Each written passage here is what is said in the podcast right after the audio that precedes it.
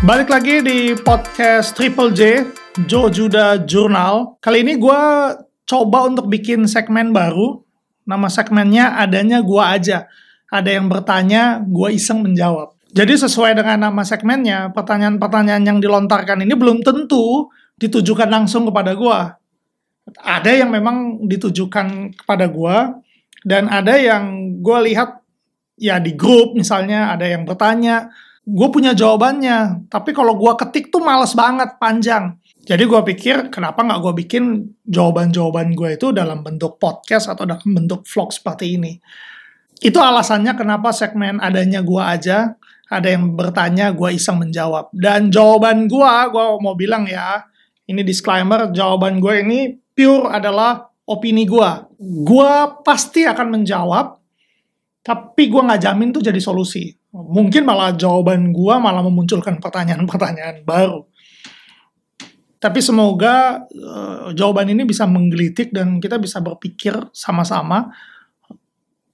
Bagus kalau misalnya lu setuju, lebih bagus lagi kalau misalnya lu bisa kasih sudut pandang lu yang oh ternyata menarik ya dari sudut pandang yang lain.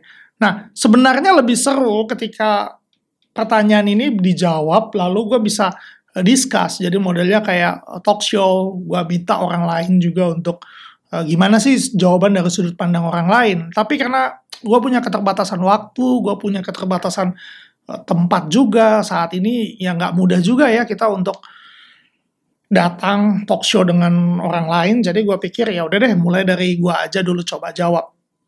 Nah podcast kali ini gue mau angkat pertanyaan yang ditujukan ke gue langsung. Sebenarnya ini pertanyaan untuk riset, bahan riset kuliah, uh, skripsinya seseorang. Terus gue salah satu yang ditanya dan pertanyaan ini menarik. Kenapa menarik? Karena akhir-akhir ini gue sering melihat statement berdasarkan pertanyaan ini. Statementnya itu adalah sarjana googling. Dan biasanya yang keluarkan statement ini, ini ini statement sinisme ya, eh, para akademisi.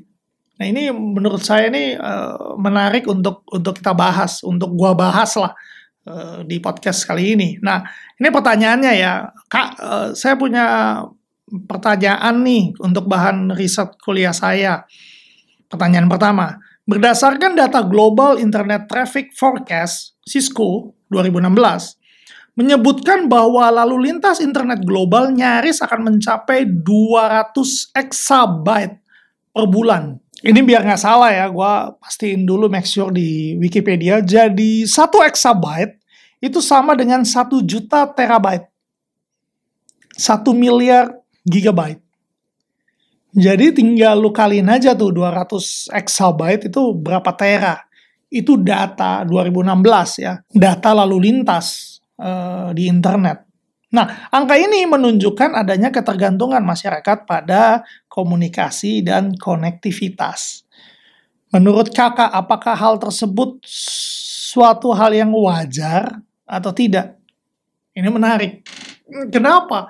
Kenapa pertanyaannya adalah ini wajar atau tidak seolah-olah ini anomali. Padahal sebenarnya ini lebih pada pencapaian. Karena dengan data yang begitu besar, berarti sumber informasi yang berputar, yang diakses, dan yang mengakses itu tinggi. Ini bukan soal wajar atau enggak, tapi ya pilihan logis. Ini tahapan evolusi dalam sebuah industri. Pertanyaan ini ya sebenarnya sama seperti ketika industri mesin uap. Lalu ada yang bertanya, wajar nggak sih kita nggak pakai kuda? Untuk bertransportasi alih-alih kita pakai kereta yang bisa jalan sendiri di atas rel. Mungkin uh, kalian yang nonton ini ketawa, tapi pertanyaan yang sama ini keluar ketika revolusi industri mesin uap terjadi. Ada yang nanya seperti itu, ada yang bilang sesat bahwa manusia memang seharusnya di darat Manusia nggak boleh berpikir, berkhayal bahwa mereka bisa terbang. Karena Tuhan, karena kalau manusia bisa terbang, Tuhan akan ciptakan manusia dengan sayap.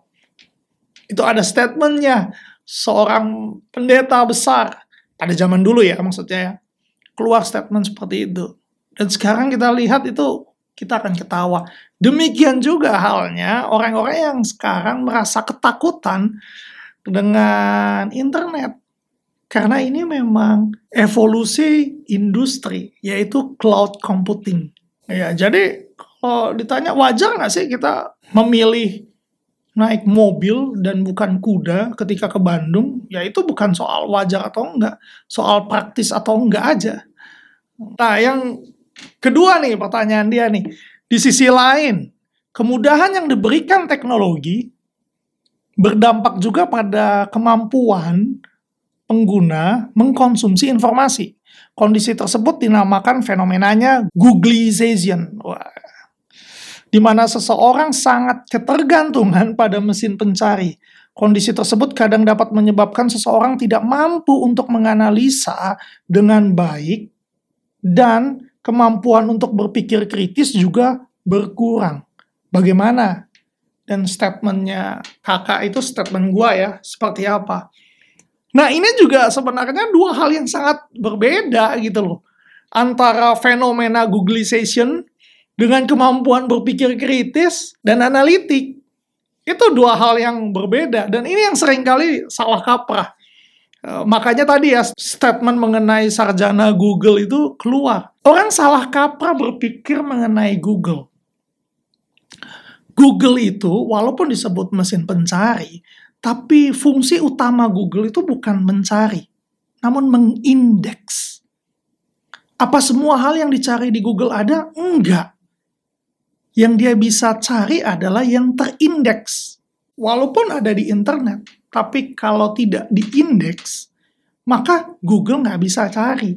Nah ini yang lebih jauh disebut sebagai deep web web-web portal-portal yang tidak terindeks di Google, yang Google nggak bisa cari. Contohnya, contohnya dalam kehidupan sehari-hari ada nggak sih di web atau web-web yang tidak terindeks? Ada.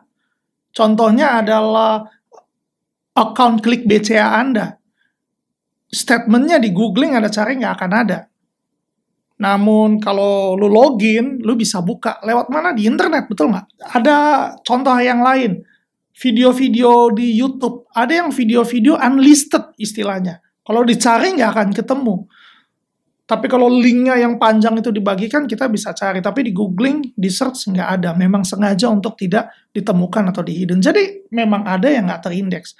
Bayangkan begini, Google itu adalah perpustakaan. Tempat di mana kita mencari referensi apa saja, kita bisa temukan di sana. Asal di indeks. Jadi kalau di perpustakaan tugasnya itu ada uh, orang yang mengindeks inventory lah, buku semua, novel dan lain-lain. Pertanyaan gue begini, buat teman-teman yang udah lulus atau yang angkatan uh, millennials awal, ketika nyusun skripsi, cari referensinya di mana? Di perpustakaan, kan? Kenapa nggak ada yang bilang bahwa Anda sarjana perpustakaan? Pertanyaan berikutnya. Kalau lo mencari mengenai teori relativitas, mencari gravitasi, lo pergi ke perpustakaan. Lo cari informasi tersebut di bagian section komik atau novel. Lu ambil komiknya Tintin di sana, lu ambil komiknya Donald Bebek. Di sana ada tuh temanya misalnya tentang gravitasi. Lalu lu pegang itu sebagai referensi, lu ngomong ke mana-mana. Dan lu bilang ketika lu bagikan mengenai gravitasi tadi ya, atau apa pun referensi yang lu ambil. Dan ketika berdebat lu bilang, eh ini gua ambil datanya dari perpustakaan nasional loh. Apakah yang salah perpustakaan nasionalnya atau referensi yang lo ambil di perpustakaan nasional tersebut. Karena di dalam perpustakaan nasional, baik jurnal ilmiah, buku textbook, sampai komik novel ciklik pun ada. Koran pun ada. Tugasnya siapa yang memilih? Ya tugasnya kita, Google pun demikian. Jadi kalau ada bilang, wah referensinya jangan Google dong. Lah, Google itu bukan sebagai sumber referensi, guys. Google itu mesin mengindeks. Justru sumbernya lo yang lo harus pastikan dengan benar. Yang Google Distrap itu bukan informasinya, tapi cara kita mengkonsumsi dan memperoleh informasi tersebut. Critical thinking itu dari kita. Bahkan perpustakaan terbaik sekalipun di Indonesia, dia nggak bisa jamin kok bahwa orang yang masuk perpustakaan tersebut punya critical thinking yang baik, bisa berpikir secara sehat. Enggak. Kan nggak ada ya larangan untuk orang masuk perpustakaan, oh lu mesti sehat secara mental. Enggak juga, lu bisa ke perpustakaan, lu dapatin referensi yang sampah. Kalau lu pilih bacaan-bacaannya nggak sesuai. Oke, jadi ini dua hal yang berbeda. Dan gue mau bilang bahwa Elon Musk bahkan bangun roket itu by googling dengan cara googling. Makanya saat ini tuh saat yang sangat menyenangkan sekali. Lu bisa belajar berbagai hal dari googling aja, dari Google. Pertanyaannya adalah di mana atau apa yang menjadi referensi kita, referensi bacaan. Itu yang paling penting. Jadi Google nggak salah guys. Nah, cuma yang perlu hati-hati begini. Karena Google berusaha agar orang menggunakan toolsnya secara terus-menerus, maka dia akan memberikan suggestion. Berdasarkan apa? Berdasarkan interest bacaan. Dan ini juga sebenarnya dilakukan di perpustakaan. Kalau lu cukup aktif ya uh, dulu di perpustakaan, gue nggak tahu lu aktif nggak di perpustakaan. Gue sendiri ya, gue bisa bilang gue anak perpus lah. Dari gue SMP, SMA, uh, kebetulan SMP, SMA gue perpustakaannya itu terbaik di kota gue ya. Ya ke perpustakaan itu semenjak itu gue setiap kali ada jam pelajaran kosong, gue itu ke perpus. Mungkin lu berpikir gila ini lu boring banget ya masa SMA lu. Enggak gua gua anak band juga gua ngeband juga. Tapi gua begitu cinta dengan perpustakaan. Uh, apakah gua selalu bacanya textbook atau jurnal? Ya enggak juga. Gua baca novel gua baca komik. Tapi perpustakaan itu sesuatu yang bisa membuka wawasan. Dan saat ini gila tenggat untuk uh, Google. Nah ketika lu ada di perpustakaan sama petugas perpustakaan akan lihat nih, eh biasanya si Jojuda ini minjem buku-buku apa aja sih? Dan ketika ada buku baru, dia akan referensikan. Jo, ini kebetulan kita ada koleksi barunya kita nih, cocok nih dengan lo. Dia akan, wah ini bagus nih mas, saya mau pinjam. Atau biasanya di depan dia akan kasih, dia akan kasih bingkai judul-judul new collection terbarunya mereka. Nah biasanya di situ ada kategori-kategorinya. Kan balik lagi pilihannya kita. Mau baca, mau enggak. Tugasnya si petugas perpustakaan ini adalah merekomendasikan, mensuggest. Supaya apa? Ya supaya dia aktif dong datang ke perpustakaannya. Dan itu hal yang wajar. Sama, Google pun lakukan seperti itu. Nah, kita justru yang perlu hati-hati dalam menggunakan mesin pencari ini pemikiran kritis itu kita yang bangun. Jadi teknologi bahkan AI sekalipun itu nggak diciptakan untuk membuat keputusan bagi kita. Namun membantu kita memberikan informasi yang dibutuhkan, informasi yang lengkap agar ketika kita mengambil keputusan, agar kita berpikir secara kritis dan keputusan yang diambil lebih tepat. Nah, menurut gua nih ya, cara kita mendorong orang untuk berpikir kritis dan analitis itu dengan mengedepankan belajar cara belajar. Oke. Okay? Nah ini orang berpikir ya belajar ya cuma sekedar tahu, menghafalkan, mengaplikasikan. Padahal enggak. Kita perlu belajar bagaimana cara belajar. How to learn to unlearn. Ya, frase kerennya. Gimana sih? Karena tujuan dari belajar itu bukan dari tahu menjadi nggak tahu sebenarnya. Kalau lu semakin banyak belajar, lu justru semakin banyak nggak taunya. Itu paradoks dari belajar itu sendiri. Semakin banyak lu tahu, justru semakin banyak yang lu nggak tahu. semakin banyak lu belajar, lu jadi merasa semakin bodoh. Coba kita mulai untuk bangun how to learn and learn. Selalu mengedepankan why.